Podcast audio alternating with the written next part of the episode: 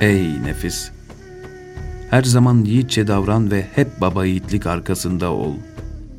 Kendini kritik etmede vicdanını bir mihenk taşı gibi kullan. Pota görmüş bir altın gibi o sapsarı çehrenle gül herkesin yüzüne. Herkesin yüzüne gülerken de sakın iyi bir sarraf olmayı kulak ardı etme. Mahiyetin itibarıyla sen bunların hepsine açıksın. Gökteki ilk maceran da bunun en açık delili.'' Orada melekler senin beşiğini sallarken gıpta ninnileri söylemiş.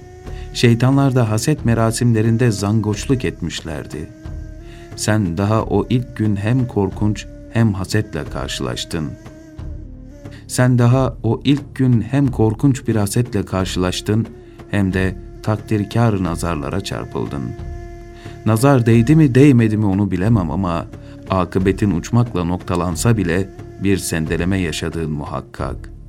Memnu meyveye elini uzatırken iftar vaktini belirlemedeki iştihat hatanla kendini dünya zindanında, hayır hayır, Hazreti Adem'e dahilik yapacak olan toprağın bağrında buldun. Hakiki şecerenin hikmeti, dünyaya gele Muhammed Hazreti sözü, senin ekşi çehreli kaderinin tatlılardan tatlı ilk meyvesini işaretler.'' Evet, eğer cennette kalsaydın inkişafa kapalı, semeresiz bir ağaç gibi kalacak ve o potansiyel zenginliğini hiçbir zaman duyamayacaktın. Oysaki oradan ayrılıp da çadırını dünyaya kurunca bu toz toprak ülkesi seninle bir gülistana döndü ve sürgün edildiğin bu köhne diyar enbiya evliya sürgünlerinin bağ bostanı haline geldi. Sonunda meleklerin gıptası bütün bütün takdire dönüştü ve şeytanların kıskançlığı da dönüp bir zıpkın gibi onların bağırlarına saplandı.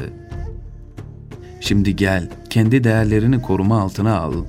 Hakka kurbet yolu sayılan bu sürgünü en iyi şekilde değerlendirmeye bak ve Hakk'a yakınlık vesilelerini ondan uzaklaştıran sebepler haline getirme.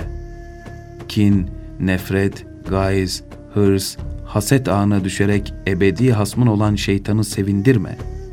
Şayet bir gün yanılıp da kendi çizginin altına düşersen, Adem Nebi gibi davran, doğrul, kendine gel, suçunu itiraf et.